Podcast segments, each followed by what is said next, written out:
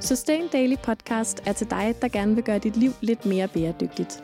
Vi går i dybden med tanker, overvejelser og dilemmaer, så du kan skyde genvej mod et grønnere liv. Jeg hedder Johanne Stenstrup. Og jeg hedder Emma Slipsager.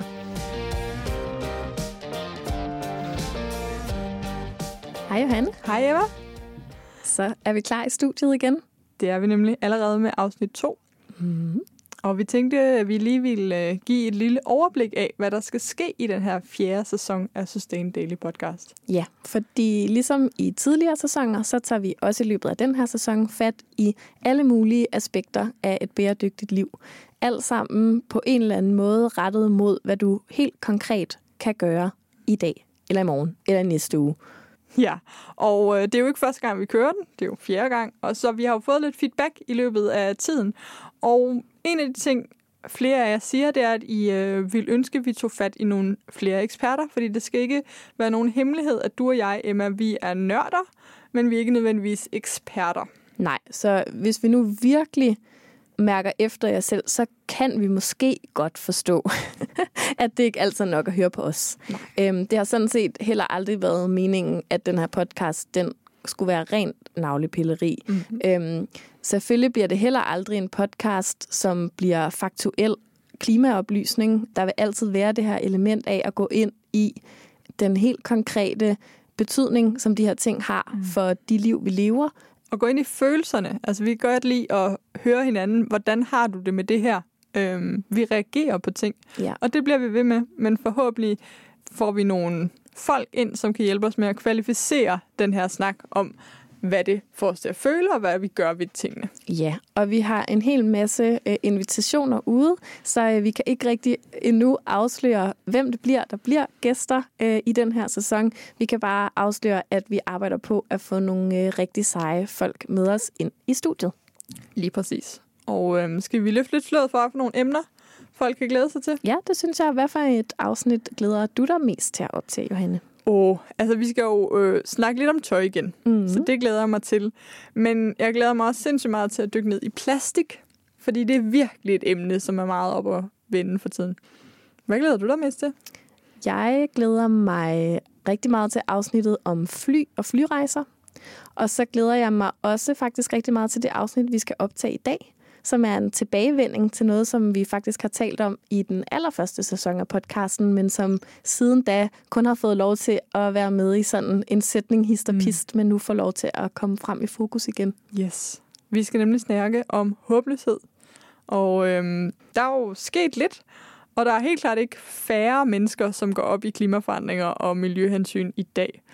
Men sidste gang, der snakkede vi meget om vores egne følelser. Det blev sådan lidt tungt. Hvad gjorde os øh, ja, håbløse? Faktisk så synes jeg, at du skal trykke pause og hoppe hen til den øh, episode, der hedder Håbløshed, og så komme tilbage hertil, for vi har tænkt os at samle lidt op, men vi har også tænkt os at øh, gå nogle lidt andre veje, og for eksempel så øh, kommer begrebsnørden på gaden igen, og det er jo Emma, der godt kan lide at finde ud af, hvad tingene betyder.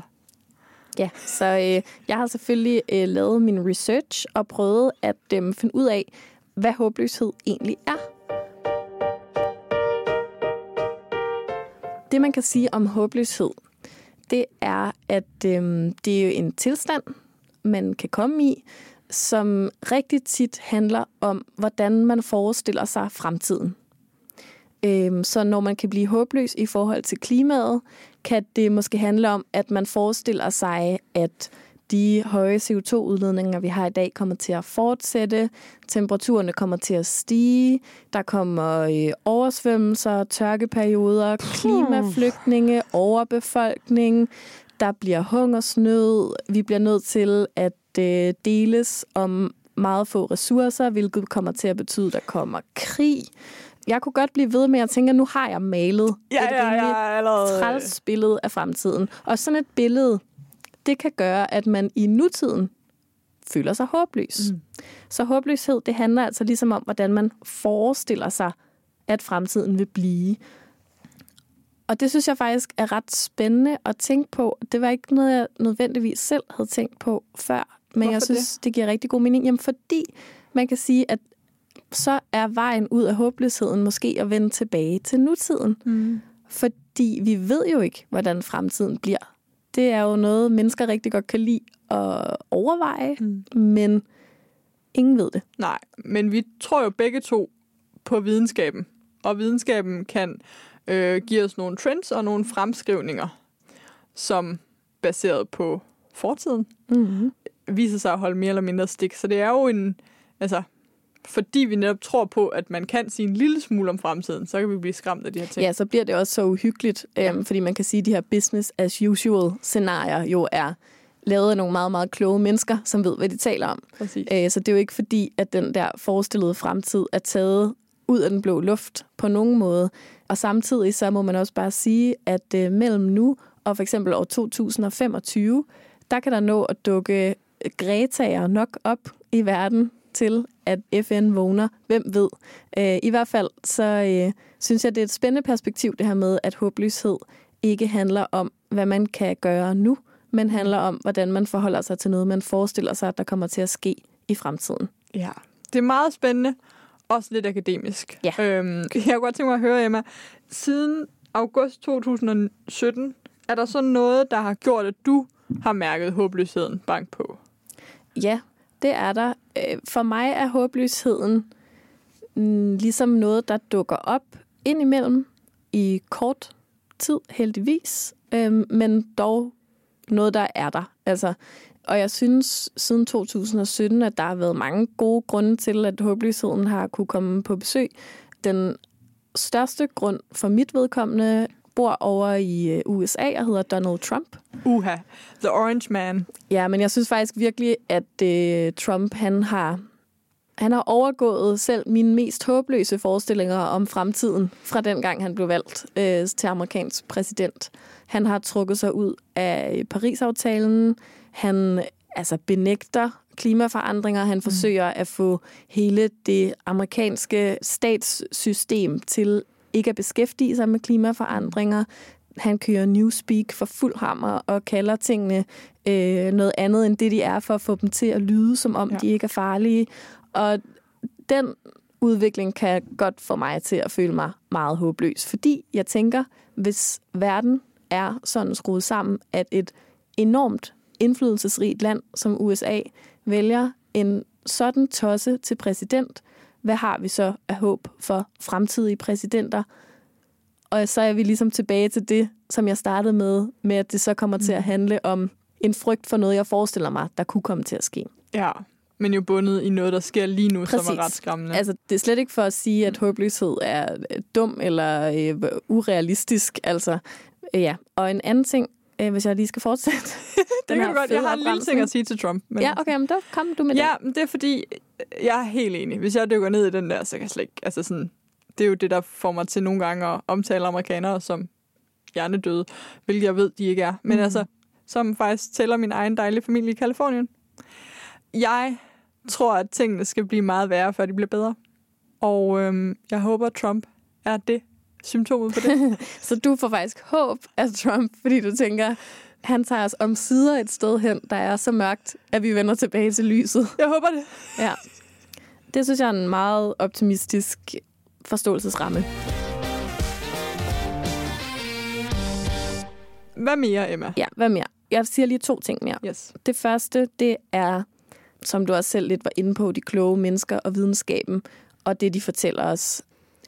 Jeg læste lige forleden dag, at øh, nu forsvinder skyerne måske på Det er grund helt af Crazy, klimaforandring. det har jeg ikke engang læst om. Nej, Vi kan lige kan det har jeg heller artikel ikke. og link til måske. jeg har læst overskrifter, okay. Skal det siges, og det er faktisk min coping-mekanisme med rigtig mange af de Ja, her lad ting. os komme ind på den det er, at jeg læser overskriften.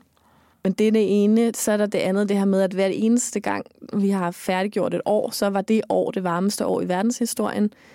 Det kan skræmme mig. Og så en sidste ting, der har gjort mig håbløs helt aktuelt. Det er en ting, som også gav mig rigtig meget håb. Det var nemlig borgerforslaget Mm. om, at vi skulle have en klimalov, som startede med at give mig håb, øh, og som stadig giver mig håb, fordi der er sindssygt mange mennesker, der har skrevet under på det. Ja, sådan noget 60.000. Ja, 65 tror jeg. Det har fået rigtig meget opbakning. Og det synes jeg er det fedeste, der er sket i 2019 indtil videre, og man kan nok nærmest også sige, at det trumfer ting, der skete i 2018. Til gengæld så kom det jo til behandling i Folketinget og blev mødt af altså noget, som jeg simpelthen blev så sur over, nemlig en udmelding fra regeringen om, at øh, fordi der er kommet det her borgerforslag, så vil regeringen nu tage rundt og spørge befolkningen, hvad de godt kunne tænke sig, indtil efteråret, hvor de så vil tage det her op igen. Så det er simpelthen en, øh, et forsøg på at udskyde det her, lægge det væk. Og man kan sige, hvorfor skal de rundt og spørge befolkningen, hvad befolkningen godt kunne tænke sig, når befolkningen har skrevet under på det her borgerforslag om, at vi gerne vil have en klimalov. Øh, så for mig at se, så er det bare en måde at udsætte det på indtil efter valget. Mm. Og det synes jeg er et virkelig godt eksempel på ansvarsfralæggelse, og jeg synes, det er så ærgerligt, og det gør mig desværre håbløs i forhold til øh, det folketing, vi har i Danmark lige nu. Ja, så måske en overskrift for dig kan være øh, dumme politikere. Ja, det kunne den godt være. Krødret med øh, kedelige forudsigelser fra øh, rigtig kloge videnskabsfolk. Ja, spændende. Mm. Ja, så således opløftet vil jeg nu vende mig mod dig, Johanne, og spørge dig, hvad der har gjort dig håbløs siden 2017. Ja, altså jeg kan sagtens mærke, når du siger alle de der ting, at de rammer også mig helt vildt. Men øhm, en ting, der skræmmer mig endnu mere, det er, hvordan vi danskere og ja, forbrugere i den vestlige verden bruger vores penge. Ja, okay. det var noget helt andet. Ja. Jeg tror, jeg skal sige lidt mere, før det jeg forstår jeg det. I øh, starten af året øh, 2019 kom det frem, at øh, salget af kød og salget af flyrejser er steget.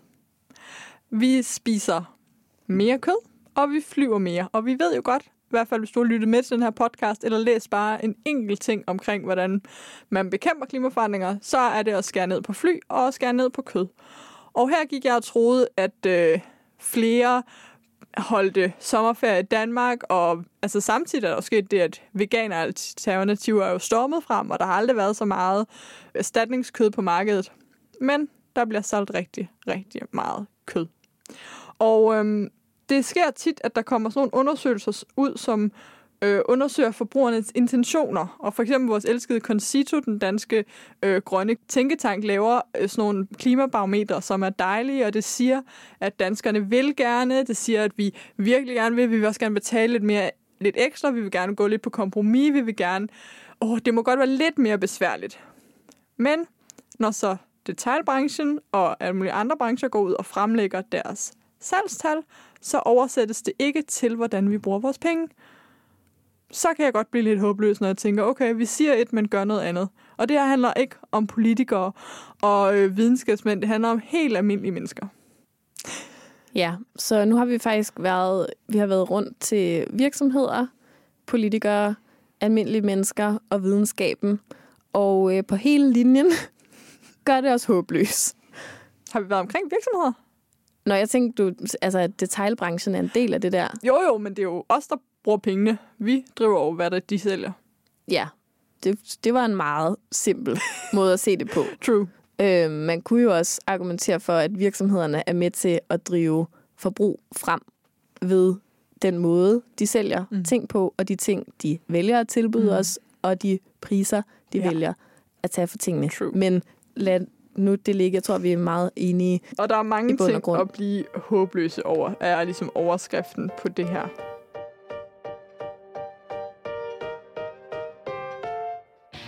Vidste du, at Sustain Daily også udkommer på papir?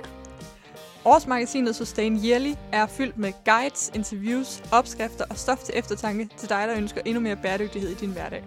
Du kan købe magasinet på sustaindaily.dk-shop, og så sender vi det direkte hjem til din hoveddør. Og nu får jeg lige lyst til at sige en ting, fordi ved du godt, hvad det hedder? Det der med, at man gerne vil en ting, men man gør noget andet? Nej.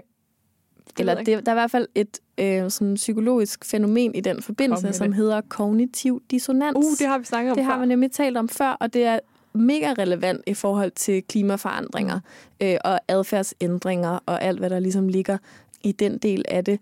Og det er det her med, at man, altså, der er en uoverensstemmelse mellem ens værdier og ens handlinger. Og det gode ved det her, det okay. er, at det er lidt hårdt at have kognitiv dissonans. Ah. man kan ligesom lade være med at kigge på det og måske undertrykke det lidt, og så mærkes det ikke hårdt, når man går rundt i hverdagen, men man bruger alligevel energi på det, og hvis man får opløst den der kognitive dissonans, så kan man opleve, at man bliver gladere, mm. mere vel tilpas. Jeg tror, vi snakkede om, da vi snakkede dårlig samvittighed. Ja, det tror jeg også. Det giver nemlig også rigtig god mening i forhold til det. Ja. Så det, jeg ligesom tænker med det, det er, at ja, det findes i stor stil, den her kognitive dissonans. Det gode ved det er, at der er en gevinst i at få den ophævet. Mm. Øh, så det kan man måske på en eller anden måde kæmpe for, arbejde for, ja. at øh, flere de kommer frem til. Jeg tror også bare, at der er rigtig mange, der er gode til at undertrykke det. Ja, men helt sikkert. Og nu gik jeg også allerede over i det, som jeg tit gør, som er at det tager de positive som briller på. Som jeg også øh, gjorde med Trump. Vi kan næsten ikke lade være, fordi øhm, det er jo ikke nogen hemmelighed, at vi er rigtig gode til at finde ja-hatten frem, finde håbet frem, finde power, handlekraft. Og det er vi jo rigtig privilegeret omkring. Der er ikke nogen af os, der sådan virkelig lider af tungsind og andre... Øh, ja, du er psykolog, så du kan sige det meget bedre. Øhm, men vi, vi er ret robuste i sådan vores tro på, at det nok skal gå. Men det er der jo andre, som måske har lidt sværere ved. Mm. Altså, der er jo virkelig ikke noget at sige til, at man kan blive ramt af de her følelser mm. af håbløshed eller angst, eller hvad det nu er. Nu har vi flere gange sagt, jeg tror faktisk, vi begge to sagde, at vi skulle beskrive, hvad der havde gjort os håbløse, så sagde vi begge to, hvad vi blev skræmt af. Mm. Og det var sådan set ikke helt det samme at være skræmt, som at være håbløs. Og jeg tror i virkeligheden, at noget af det, der kendetegner både dig og mig, det er, at vi er ikke så håbløse. Der skal rigtig, rigtig meget til for at pille håbet ud af os. Og det er jo også derfor, vi laver Sustain Daily. Mm. Det er fordi, vi vil gerne hjælpe med, at det håb, det kan spire. Ja, og når man har det sådan, så har man jo også et ansvar. Men der er jo en ting, som der kommer mere med fokus på, det er, at der er nogle mennesker, som lader sig påvirke rigtig, rigtig meget af de her ting, vi har snakket om, og udvikler klimaangst, klimadepression. Mm. Jeg ved ikke rigtig, hvad jeg sådan skal sige om det, udover at jeg synes, det er, det er tankevækkende, at øh, det er så meget. Vil du ikke sige lidt generelt om, hvad kan man sige noget sådan rent psykologisk om, hvad er det? Jamen, det er jo angst, som den, der oplever den, forbinder med klimaet og mm. klimaforandringerne, og øh, måske både, det ved jeg ikke, men jeg kunne forestille mig både den måde, det aktuelt går, og den måde, man frygter, mm. at det kommer til at gå. Og angst kan jo være rigtig mange forskellige ting, men når man oplever det i forhold til klimaet og, og ligesom kalder det angst. Alle er jo angste. Alle er jo bange. Altså det, det kender vi jo ligesom alle sammen. Mm. Men for at man kalder noget for angst, altså der hvor man ligesom går hen og siger, at det bliver en sådan psykisk tilstand eller diagnose, så skal det gå ind og hæmme en i udførelsen af ens hverdagsliv. Mm klimaangst er jo ikke en diagnose som sådan, men jeg forestiller mig, at dem, som siger, de har klimaangst, de siger det, fordi de er så bange for, hvordan det skal gå med klimaet, at det faktisk forhindrer dem i at kunne leve det liv, de gerne vil, og gøre de ting, som de gerne vil gøre.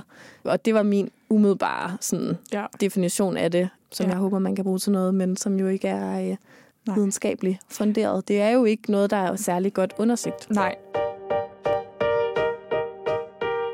Vi har øh, meget belejligt på webmagasinet lige udgivet en artikel, som er et portræt af en øh, kvinde, som lider af klimaangst. Mm. Og øh, utroligt spændende at få lov at møde hende og øh, få lov at dele hendes historie med, med det her. Og det er netop, som du siger, har hæmmet hende så meget, at hun kun kunne ligge i sin seng og læse klimarapporter. Hæmmet hende så meget, at øh, hun bliver bange, når hun hører regn på ruden, fordi mm. det er oversvømmelsesscenarier.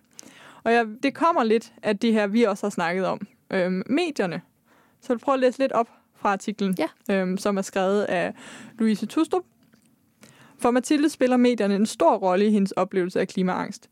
Nyhederne fremstiller ofte klimaforandringerne dramatisk og ukonstruktivt, hvilket gjorde, at Mathilde mærkede angsten røre på sig hver eneste gang nyhederne tonede frem på skærmen. Og problemet var, og til dels stadig er i dag, at det er noget nær umuligt at undgå nyheder. De er nemlig alle vegne. Jeg synes næsten, det er lidt tavligt, at medierne har så meget at skulle have sagt, siger Mathilde, og forklarer, at det er ikke, fordi hun ikke ønsker at følge med.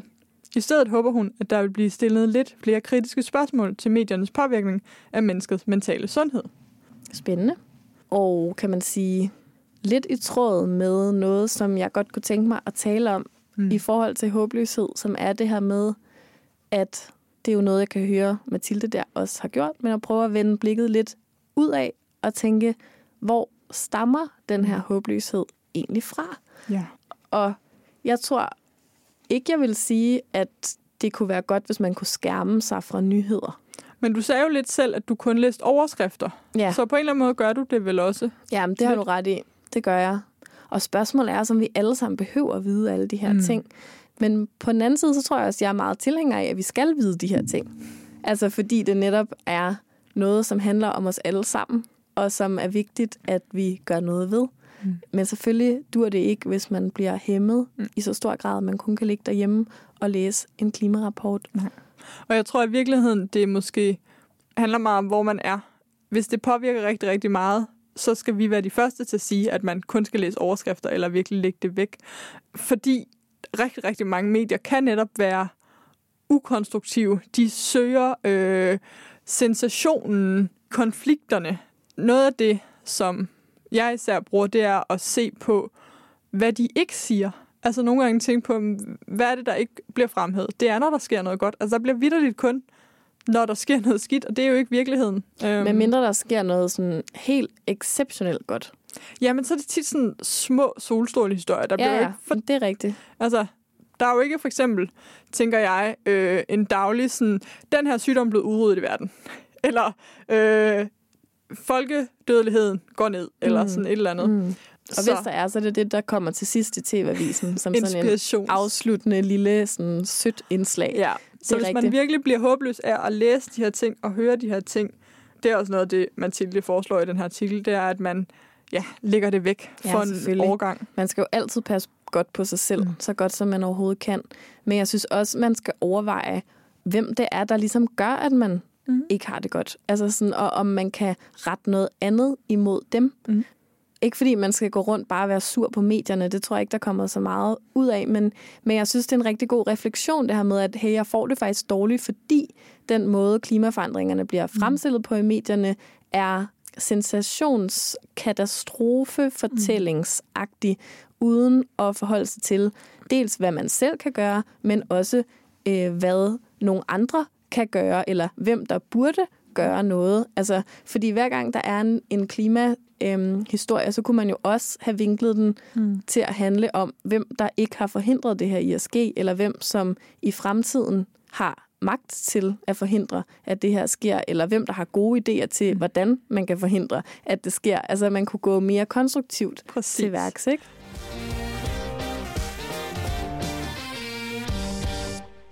Så lad os prøve at være den konstruktive stemme, hvis man lytter til det her og øh, mærker håbløsheden.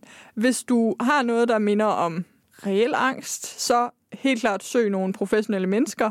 Selvom Emma jo er psykolog, så er det her meget lomme øh, psykologi, filosofi. Så, ja, selvfølgelig. Hvis man går rundt og har angst, så skal man have hjælp til det. Ja. Og hvis man går rundt og har noget, der minder om en depression, så skal man også have hjælp til det. Mm. Det er klart.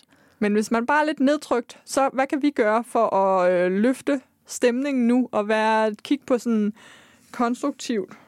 Altså noget af det, jeg selv gør i forhold til håbløshed, når den dukker op, det er at skifte mit fokus. Ja. Fra Trump og øh, rapporter, der siger, at det er det varmeste år nogensinde, hen til de historier, som også findes derude, mm. som handler om alt det positive, der sker. Det kan være alt muligt forskelligt. Lige nu øh, føler jeg mega optursagtigt med i Greta, den svenske ja. piges Ja, du sagde jo Greta lige øh, i starten. Lad os ja. lige få på, hvem Greta er. Jamen, Greta Thunberg, tror jeg nok, hun hedder. Hun er en svensk pige, som strækker fra sin skolegang. Hun holder klimastrække, og har gjort det, jeg tror, i et halvt år nu, hvor hun simpelthen ikke går i skole, men i stedet for sidder ude foran det svenske parlament med sit lille skilt. Eller rejser rundt nu øh, i hele Europa ja. og hjælper alle andre skoleelever Præcis. med at strække. og det er jo så ligesom det, der er det mega fede ved Greta, det er, at øh, der er kommet enormt meget opmærksomhed på hende og på mm. hendes projekt, og hun er rigtig god til at øh, udtale sig om, hvorfor hun gør det her. Hun er mega hård og er øh, kompromilløs i sin kommunikation til politikerne om, hvor lidt ansvar hun mener, de tager, og hvor meget hun mener, at det er fuldstændig utilgiveligt, det de har gang i. Øhm, hendes retorik er, at hun er et barn, og at de stjæler børns fremtid, og er ligeglade med de kommende generationer, dem som laver politik i dag, og som ikke tager ansvar for klimakrisen. Hun mener, at løsningerne findes, og at de bare skal implementeres. Og det siger hun bare på nogle enormt stærke måder. Mm. Og hun har været ja, i FN, og hun rejser rundt og holder møder med alle mulige Mm. top seje politikere og ledere og sådan noget. Og øh, man må håbe, at hun ikke er et sjovt indslag over frokosten mm. Til de møder, men at de her mennesker, de tager de ting til efterretning, som hun siger til dem. Ja, det er virkelig, virkelig sejt. Og der er jo rigtig mange, der netop følger med og følger trop og strækker og ja. gør rigtig, rigtig meget. Der er kommet en hel bevægelse af skolestrækker. Mm. Hvis man følger Greta på Instagram, så deler hun en gang imellem billeder fra alle de skolestrækker, der har været rundt omkring i Europa. Mm. Det er meget, meget opløftende at se. Borgerforslaget, som jeg mm. havde på min håbløshedsliste, øh, er også en ting, der giver mig rigtig meget håb.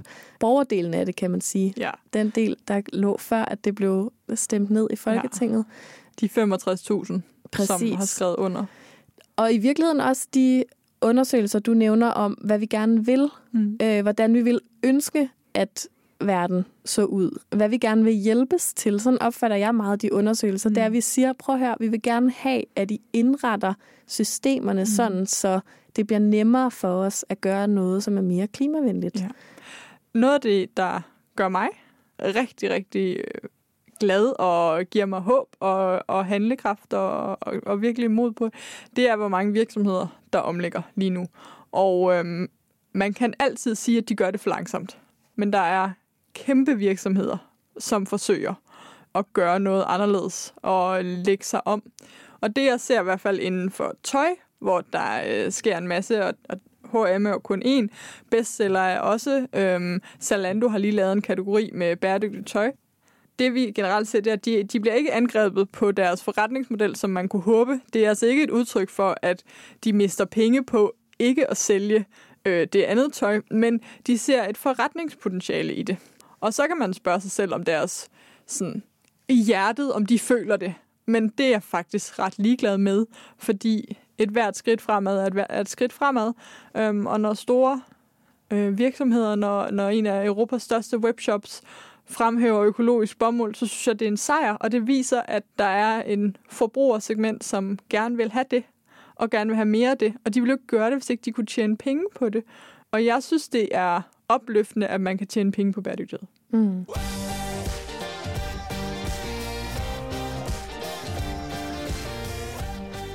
En anden ting Mm. i et lidt andet spor, Kom med det. som øh, giver mig håb, det er at komme fra den her forestillede, frygtelige fremtid og tilbage i nutiden og overveje, hvad kan man gøre? Hvad kan man gøre lige præcis nu for at stikke en kæppe i hjulet på den der frygtelige fremtid, som man forestiller sig? Og øhm, det kan jo handle om alt muligt forskelligt. Det kan handle om at reducere sit eget kødforbrug.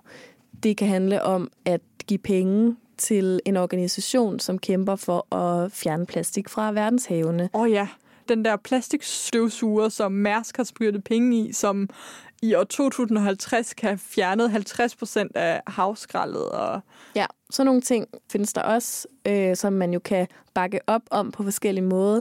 Det kan være, at man kan give noget af sin tid til at tage ud på folkeskoler og fortælle folkeskoleelever om, hvorfor klimaforandringer er vigtige. Det ved de så i forvejen, kan vi jo se på hele skolestrækkebevægelsen. Det gør, måske man... øh, ud på plejehjem og fortælle det. Ja, det er for sent. Ud til sådan nogle på vores forældres alder. Mm. Sådan de rigtig købestærke, hvor børnene er flyttet hjemmefra, pludselig går al deres indkomst kun til dem selv. Så Klima de- Tupperware Party. Klima Tupperware Parties. Det bliver en ting. Det kan være, hvis du sidder derude og tænker, hvad kan jeg gøre, så kan det være, at du skal starte det. Det kan være alt muligt. Det kan være at opsøge fællesskaber. Det kan være at begynde at tale om de her ting, fordi når man mærker den her håbløshed, så kan man i hvert fald være fuldstændig sikker på én ting, og det er, at man ikke er alene. Mm. Altså, der er så mange, der går rundt med de følelser, Ja. og som bliver påvirket af at vide alt det her om klimaet, som vi ved, uden at have følelsen af, at de kan skabe en forandring. Mm. Og der må jeg bare komme tilbage til noget, jeg altid kommer tilbage til. Hvis der er nogen, der har fået bildet os ind, at vi ikke kan gøre en forskel, så er det altså dem, vi skal være vrede på, mm. i stedet for at være kede af det ja. over, at vi ikke kan gøre en forskel. For selvfølgelig kan vi gøre en forskel. Hvem skulle ellers kunne? Og det mener jeg virkelig helt fuldstændig til bunds, mm. at selvfølgelig kan vi gøre en forskel. Nej, selvfølgelig kan jeg ikke alene redde hele verden, men jeg kan gøre en forskel. Og det kan vi alle sammen gøre. Og især når vi slår os sammen, ja. kan vi gøre en forskel. Og helt klart opsøge dem, man kan gøre det sammen med. Om det er fællesskaber på Facebook eller på nettet eller i virkeligheden. Man kan jo tage til nogle af vores arrangementer, man kan tage rundt til øh, bæredygtige messer eller øh, ja, foredrag, holdes der masser af efterhånden rundt omkring med alle mulige seje mennesker. Det, at man sidder i et rum med andre mennesker, som måske har betalt eller bare valgt at dukke op og høre det samme budskab omkring, at vi kan gøre en forskel, det er så powerfult. Fordi så ser man, at man ikke er alene. Øh, hvis man nu er den eneste i kantinen, der vælger kødfrit, eller man er den eneste i hele mm. venindekredsen, som ikke gider at gå i storcenteret og shoppe løs lørdag, så forstår jeg godt, at man kan være sådan, øh, jeg er en dråbe i havet, det er ligegyldigt. Men når man så sidder i den der sal, eller når man tager til det der event og ser 50 andre gå mega meget op i, hvad ved jeg, permakultur, eller øh, økologisk garnfagning, eller hvad det nu er, der øh, gør dig sindssygt glad, så kan man ikke lade være med at blive løftet ud af den håbløshed. Og skulle man befinde sig et sted, hvor man tænkte, at man absolut var den eneste, der havde de her tanker, så vil jeg bare sige, mega god mulighed for at gøre en forskel. Mm. Fordi hvis man starter helt der, hvor folk ikke engang er begyndt at interessere sig for de her ting, så er forandringspotentialet i hvert fald gigantisk stort. Øh, det er nok ikke en øh, ting, man skal kaste sig ud i helt alene, men øh, hvis man kunne finde sig nogle allierede i en lidt større omkreds, kan man sige, end lige der, hvor man går rundt og føler sig alene, så tror jeg virkelig, at der er basis for noget, hvis man er, har mod på det. Mm. Bestemt. Jeg tror, det var det, vi havde at sige. Om håbløshed. Ja. Tak fordi, at øh, du lyttede med, og hvis du har en kommentar, et spørgsmål eller noget som helst, så endelig skriv det inde på webmagasinet, hvor der altid øh, udgives show notes til hver episode. Det er også her, vi vil prøve at linke til nogle af de ting, vi har snakket om med Greta og med skyer og ja, fællesskaber, man kan finde. Vi håber, at du har fået mere håb end håbløshed ud af at lytte til det her afsnit af Sustain Daily Podcast. Og så høres vi ved om en uge. Hej hej. Hej hej. Tak fordi du lyttede til Sustain Daily Podcast. Det betyder vildt meget for podcasten, om vi får nogle anmeldelser. Så når vi nemlig længere ud og kan få spredt det grønne budskab endnu bedre. Så hvis du har to minutter, du ikke ved, hvad du skal bruge til, så hop meget gerne ind i din podcast-app og anmeld Sustain Daily Podcast. Og hvis du vil høre endnu mere fra Sustain Daily, så kan du følge os på f.eks. Instagram eller Facebook, eller skriv dig op til vores nyhedsmails, hvor du bliver den første til at høre, når vi laver seje ting.